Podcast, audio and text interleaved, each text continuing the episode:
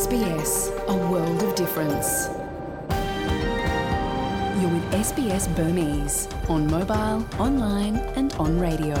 Mobile, online နဲ့ radio ပေါ်မှာသင်ဟာ SPS မြန်မာပိုင်းနဲ့အတူရှိနေတာဖြစ်ပါတယ်။တရရှင်များအားလုံးမင်္ဂလာညချမ်းပါရှင်2022ခုနှစ်ဇန်နဝါရီလ17ရက် အင်္ဂါနေ့ည SBS Radio မြန်မာပိုင်းအစီအစဉ်ကိုည7:00နာရီကနေ7:00နာရီအထိစတင်အသံထုတ်လွှင့်ပေးနေပါပြီကျွန်မရှားဖောင်ပါဒီကနေ့ညအစီအစဉ်မူဖြစ်တာဝန်ယူတင်ဆက်မှာပါရှင်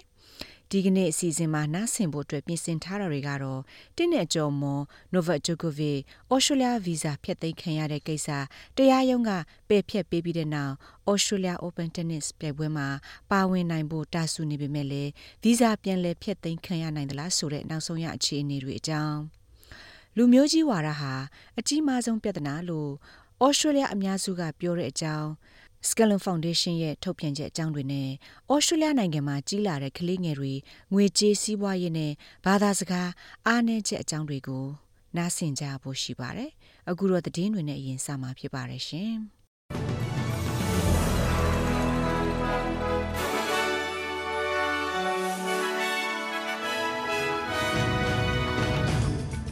ဒီညအတွက်ထိတ်တန့်ရောက်နေတဲ့သတင်းတွေကတော့ကလင်းငယ်တွေကိုကာကွယ်ဆေးထိုးပေးတဲ့အစီအစဉ်စတင်တဲ့ပထမနေ့မှာပဲပြည့်စည်အလုံးလောက်မရှိတာတွေနဲ့ကြုံခဲ့ရတဲ့အကြောင်း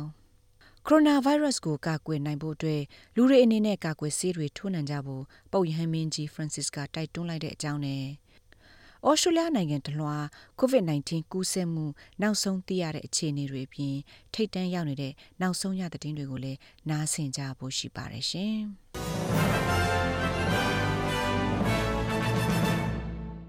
ဆာဗီးယားနိုင်ငံသားတင်းတဲ့အကျော်မနိုဗက်ဂျိုကိုဗစ်ကိုအော်စတြေးလျနိုင်ငံထဲဝင်ခွင့်ပြုဖို့ Commonwealth အစိုးရကိုသူ့အနေနဲ့တိမ့်သွင်းစည်းရုံးပေးမှုတွေမလုပ်ခဲ့ဘူးလို့ Victoria ပြည်နယ်ဝန်ကြီးချုပ် Daniel Andrews ကပြောပါတယ်။တရားရုံးကသူ့ရဲ့ဗီဇာဖျက်သိမ်းမှုကိုပယ်ဖျက်ပေးခဲ့ပြီးတဲ့နောက်မှာတော့ကမ္ဘာနံပါတ်1တင်းနဲ့အားကစားသမားဂျိုကိုဗစ်ဟာလူဝင်မှုကြီးကြပ်ရေးထိမ့်သိမ်းမှုအောက်ကနေလွတ်မြောက်လာခဲ့ပါတယ်။ ဒါပေမဲ့လည်းလူဝင်မှုကြီးကြပ်ရေးဝန်ကြီး Alex Hawke ကလူဝင်မှုအဥပဒေအရသူ့ရဲ့လုတ်ပိုင်ခွင့်အာဏာကိုအသုံးပြုလို့ရတဲ့အတွက်နောက်တစ်ကြိမ်ထပ်ပြီးဗီဇာဖျက်သိမ်းမလားဆိုတာကတော့မသိရသေးပါဘူး။ Novak Djokovic Australia visa ဖျက်သိမ်းခံရတဲ့အခြေအနေအသေးစိတ်ကိုနောက်ပိုင်းမှာတင်ပြပေးသွားဖို့ရှိပါတယ်ရှင်။ ကလင်းငယ်တွေကိုကာကွယ်ဆေးထိုးပေးတဲ့အစီအစဉ်စတင်တဲ့ပထမနေ့မှာပဲပြည့်စည်အလုံးလောက်မရှိတာတွေနဲ့ကြိုတင်ရက်ချင်းယူထားတာတွေစုပြုံနေတာတွေကြောင့်မိဘအများအပြားနဲ့ဆေးဘက်ဆိုင်ရာကျွမ်းကျင်သူတွေကစိတ်ကတိကအောင်ဖြစ်ခဲ့ကြရပါတယ်။ဖက်ဒရယ်အစိုးရကတော့စာတင်ကျောင်းတွေပြန်မစခင်ကလင်းငယ်အရောက်စီတိုင်းအတွက်ကာကွယ်ဆေးထိုးပေးဖို့ကာကွယ်ဆေးတွေအလုံးလောက်ရှိတယ်လို့ပြောပါတယ်။ဒါပေမဲ့လိုအပ်သလိုအလင်းအမြန်လှုပ်ဆောင်နိုင်ဖို့အတွက် ကာကွယ်ဆေးတွေဟာရောက်တဲ့နေရာတွေမှာမရောက်သေးတာတွေရှိနေတယ်လို့ Australia ဆေးပညာရှင်များအသင်း Australian Medical Association ရဲ့ New South Wales ပြည်နယ်အကြီးအကဲ Dr. Michael Boning ကပြောပါတယ်။ဒီလိုစိုးရိမ်စရာမျိုးတွေရှိနေတဲ့အတွက်စိတ်ပြည့်ဖို့ကောင်းကြောင်းဒေါက်တာ Michael Boning က Channel 9သတင်းဌာနကိုပြောပါတယ် We'd come to trust the government over the last, you know, uh, 8 or 9 months of getting လူငယ် vaccinated တဲ့ရှစ် into လ9လက practices လေးကကာကွယ် and ဆေး then တွေကို to have လက်တွေ့မှာ probably အ the သုံးပြု most လို့ရအောင် important အ part စိုးရက of ထုတ်ပေး the ထားမယ်လို့ rollout ကျွန် in တော်တို့ terms ယုံ of ကြည်ခဲ့တာ confidence building ဒါပေမဲ့ကာကွယ် for ဆေးစတင် children ထိုးတဲ့နေ့ are လို့ not ကလေးငယ်တွေကို play out well ယုံကြည်မှု in the- တိဆောက်ပေးရမယ် at အ its ရေးကြီးတဲ့အ opening, စိတ်ပိုင်းကာလမှာပဲ moments. အဆင်မပြေမှုတွေနဲ့ကြုံရတာကြောင့် to then ယုံကြည် rebuild that အားကိုးမှု trust ပြန်လဲတိဆောက်ဖို့ခက်ခဲစေပါတယ် ဘာလို့လဲဆိုရင်ဒါကကျွန်တော်တို့ရဲ့ကြိုးစိုးလက်ခံရေးအမှုတန်းတွေကျွန်တော်တို့ရဲ့ဆရာဝန်တွေ nurse တွေက sorry ပါကျွန်တော်ကျမတို့မှာကာကွယ်ဆေးမရှိဘူးလို့ကလေးမိဘတွေကိုထွက်တွေ့ပြီးပြောကြရတဲ့သူတွေဖြစ်ပါတယ်လူတွေကဒီအတိုင်းစီစဉ်ထားခဲ့ပေမဲ့လည်းအခုတော့မသေးမကြဆူဆူဝါဖြစ်နေကြပါတယ်လို့ဒေါက်တာမိုက်ကယ်ဘွန်နင်းကပြောပါတယ်ရှင်ဒီကနေ့ဩစတြေးလျနိုင်ငံတနိုင်ငံလုံး COVID-19 ကူးစက်ခံရမှုနောက်ဆုံးအခြေအနေမှာတော့ New South Wales ပြည်နယ်မှာ COVID-19 ရောဂါထပ်မံကူးစက်ခံရသူ25880ရှိပြီးလူပေါင်း12ဦးလည်းထပ်မံသေဆုံးခဲ့ရပါတယ်။ဒါဟာပြည်နယ်အစိုးရကပြည်သူတွေကိုအိမ်မှာမိမိဘာသာကိုဗစ်စစ်ဆေးပြီးကိုဗစ်ရှိကြောင်းစည်ရင်းကိုတင်ပြခိုင်းနေတဲ့အချိန်လည်းဖြစ်ပါတယ်။ခွင်းစလန်းပြည်နယ်ဘက်မှာတော့ COVID-19 ကြောင့်ဆေးရုံတက်ကူးသားရတဲ့သူဦးရေတိုးလာပြီးပြည်내ကျန်းမာရေးတာဝန်ရှိသူတွေကတော့ရှစ်လမယ့်လအတွင်းမှာ ယောဂကူးစက်မှုအများဆုံးကာလကိုရောက်ရှိမှာဖြစ်တယ်လို့ခန့်မှန်းထားကြပါတယ်။အခုဆိုရင်ဆေးရုံတက်ဆေးကုသနေရသူ902ဦးတိုးလာသလိုအထူးကြမတ်ဆောင်မှာအနည်းအကဆောင်ကြည့်ရတဲ့လူနာ29ဦးရှိပြီးအသက်ရှူဆဲအထောက်အကူတက်ဆင်ထားသူ6ဦးရှိပါတယ်။ဒါအပြင်ယောဂအခန့်ရှိတဲ့အသက်80နောက်ပိုင်းအရွယ်အမျိုးသားတူလည်းထပ်မံသေဆုံးခဲ့ပါတယ်။ Tasmania ပြည်နယ်မှာတော့ပြည်နယ်ကျန်းမာရေးဆိုင်ရာ အုပ်ချုပ်ရေးမှူးကိုယ်တိုင် COVID-19 ရောဂါကူးစက်ခံနေရပါတယ်။ကျန်းမာရေးမှူး Catherine Morgan Wick ကသူမရဲ့အိမ်သားတူတိတ်မပြင်းထန်တဲ့ကိုဗစ်လက္ခဏာခံစားရပြီးတဲ့နောက်သူမမှာလည်းကိုဗစ်ရှိမရှိ PCR စစ်ဆေးခဲ့တာဖြစ်တယ်လို့ကြေညာချက်ထဲမှာဖော်ပြထားပါတယ်။ Tasmania ပြည်နယ်တစ်ခုလုံးရဲ့ဒီကနေ့အစီရင်ခံစာမှာတော့ COVID-19 ကူးစက်ခံရသူ1389ဦးတိုးမြင့်လာပြီး လူအနှဲငယ်ဆေးရုံတက်ကူတာနေရပါတယ်။အခုဆိုရင် Tasmania ပြည်နယ်အတွင်း COVID-19 ရောဂါရှိသူ8356ဦးရှိပါတယ်။ South Australia ပြည်နယ်ဘက်မှာတော့ COVID-19 ရောဂါကူးစက်ခံရသူဦးရေ2292ဦးတိုးလာပြီးအသက်50အရွယ်အမျိုးသမီးတဦးလည်းသေဆုံးခဲ့ပါတယ်။ Victoria ပြည်နယ်မှာတော့ COVID-19 ရောဂါကူးစက်ခံရသူ39,994ဦးတိုးလာပြီး လူ73ဦးလည်းထပ်မံသေဆုံးခဲ့ရပါတယ်။ ACT ဘက်မှာတော့ယောဂရှိသူ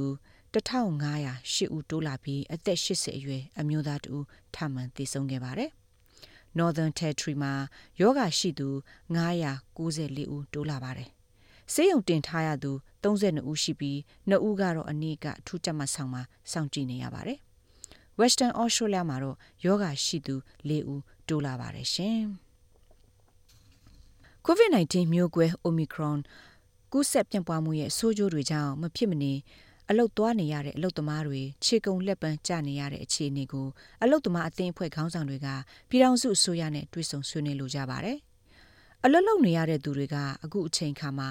သူတို့အနေနဲ့အဆင်ပြေမနေဘူးဆိုတဲ့ပြောဆိုတဲ့ကိုဝန်ကြီးချုပ်ကနားမထောင်ဘူးလို့ Australian Council of Trade Unions ရဲ့အတွင်ရေးမှူး Sally McManus ကပြောပါတယ်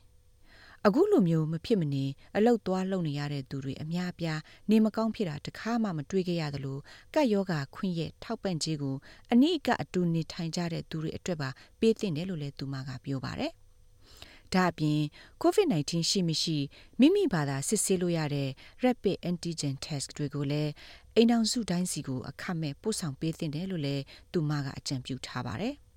အလုတ်သမားတွေကိုကာကွယ်တာဟာစီးပွားရေးနယ်ပယ်တရလုံးကိုကာကွယ်ပေးတာမျိုးတက်ရောက်မှုရှိကြောင်း Sally McManus က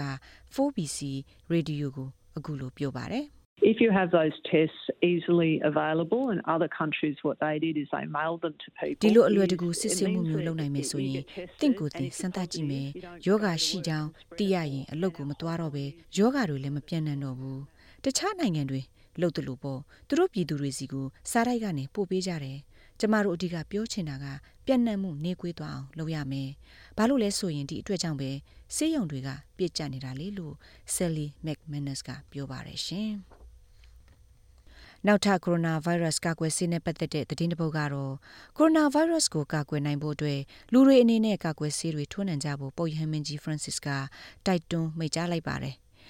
ဒီယောဂါကိုကာကွယ်တားဆီးနိုင်ဖို့အတွက်ကာကွယ်ဆေးထိုးခြင်းကသာလက်တွေ့ကျတဲ့ဖြစ်ရှင်းနည်းဖြစ်တယ်လို့ကက်သလစ်ဘာသာတရားရဲ့အကြီးအကဲပုပ်ဟန်မင်းကြီးကမိတ်ပါတယ်။ကာကွယ်ဆေးထိုးခြင်းဟာမိမိကိုယ်ကိုအဆုံးစီရင်ခြင်းအတွက်ငင်းဆန်မှုတစ်ခုဖြစ်တယ်လို့ချစ်ချင်းမေတ္တာတရားအတွက်လှုပ်ဆောင်ချက်တစ်ခုလည်းဖြစ်တယ်လို့ပုပ်ယဟန်မင်းကြီးကအခုလိုမိတ်ပါတယ်။ Anzitutto a livello personale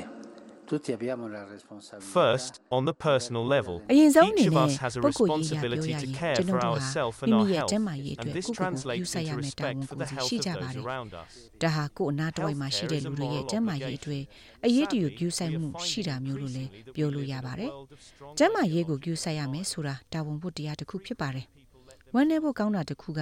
အတွေ့အခေါ်ထင်မြင်ချက်ကွဲပြားမှုကြီးထွားလာနေတဲ့ကမ္ဘာမှာကျွန်ုပ်တို့နေထိုင်နေကြရခြင်းပဲဖြစ်ပါတယ်။ ခိတ္တခဏဖြစ်နေတဲ့အတွေ့အခေါ်ယူဆချက်တွေကိုလူတွေကသူတို့အပေါ်မကြာခဏလွန်မွန်ခွင့်ပြုကြတယ်။အဲ့ဓာတွေဟာတခါတည်းမှာအခြေအမြင့်မရှိတဲ့အချက်အလက်တွေဒါမှမဟုတ်မှတ်တမ်းမှတ်ရမရှိတဲ့အရာတွေပေါ်မှာအခြေခံပြီးပြောနေကြတာပါလို့ပုတ်ရဟမင်းကြီးကမိန့်ကြားခဲ့ပါတယ်ရှင်။မြန်မာနိုင်ငံနဲ့ပတ်သက်တဲ့သတင်းဘက်မှာတော့ဒေါအောင်ဆန်းစုကြည်ကိုထောင်ဒဏ်၄နှစ်ထပ်မံချမှတ်လိုက်တဲ့အပေါ်နိုင်ငံတကာကရှုတ်ချမှုတွေလုပ်နေကြပါတယ်။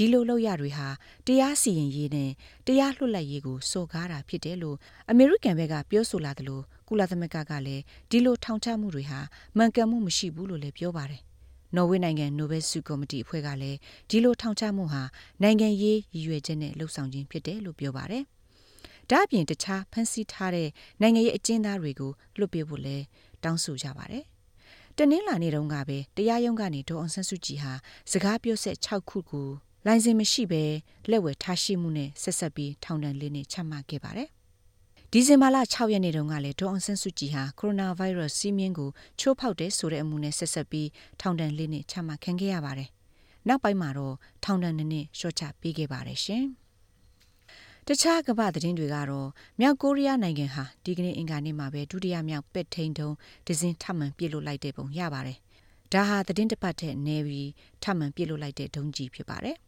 မြောက်ကိုရီးယားကအခုပြစ်လွတ်လိုက်တဲ့ပဲ့ထိန်တုံးနဲ့ပတ်သက်တဲ့အချက်လက်သေးစိတ်ကိုတောင်ကိုရီးယားနဲ့အမေရိကန်ထောက်လှမ်းရေးတို့လေ့လာသုံးသပ်နေကြတယ်လို့တောင်ကိုရီးယားကာကွယ်ရေးဌာနကပြောပါတယ်။တောင်ကိုရီးယားအမေရိကန်နဲ့စကားပြောဆိုဖို့ရာဆိုင်ထားတာတွေအပါအဝင်နိုင်ငံတကာအခြေအနေမတည်ငြိမ်မှုတွေကြောင့်စစ်အင်အားတိုးမြင့်သွားမယ်လို့မြောက်ကိုရီးယားခေါင်းဆောင်ကင်ဂျုံအွန်ကအစောပိုင်းမှာပြောဆိုထားတာရှိပါတယ်ရှင်။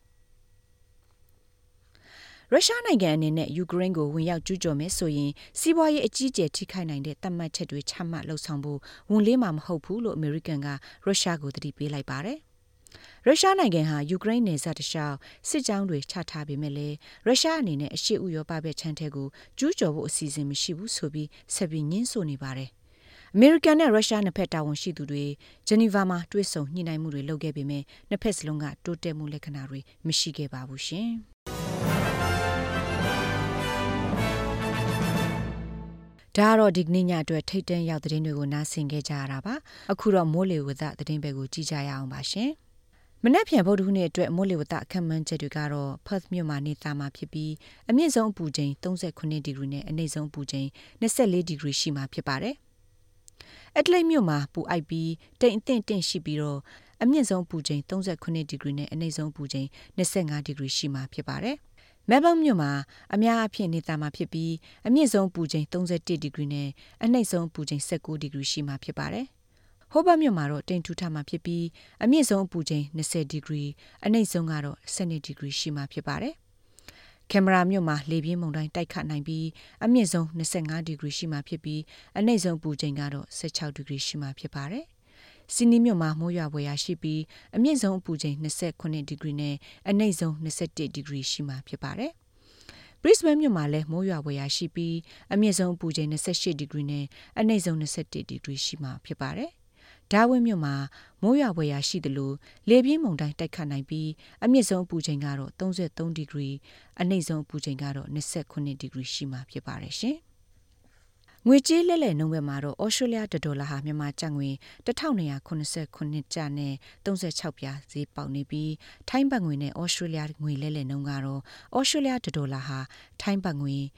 24ဘတ်နဲ့10ပြားပေါက်ဈေးရှိနေပါတယ်ရှင်။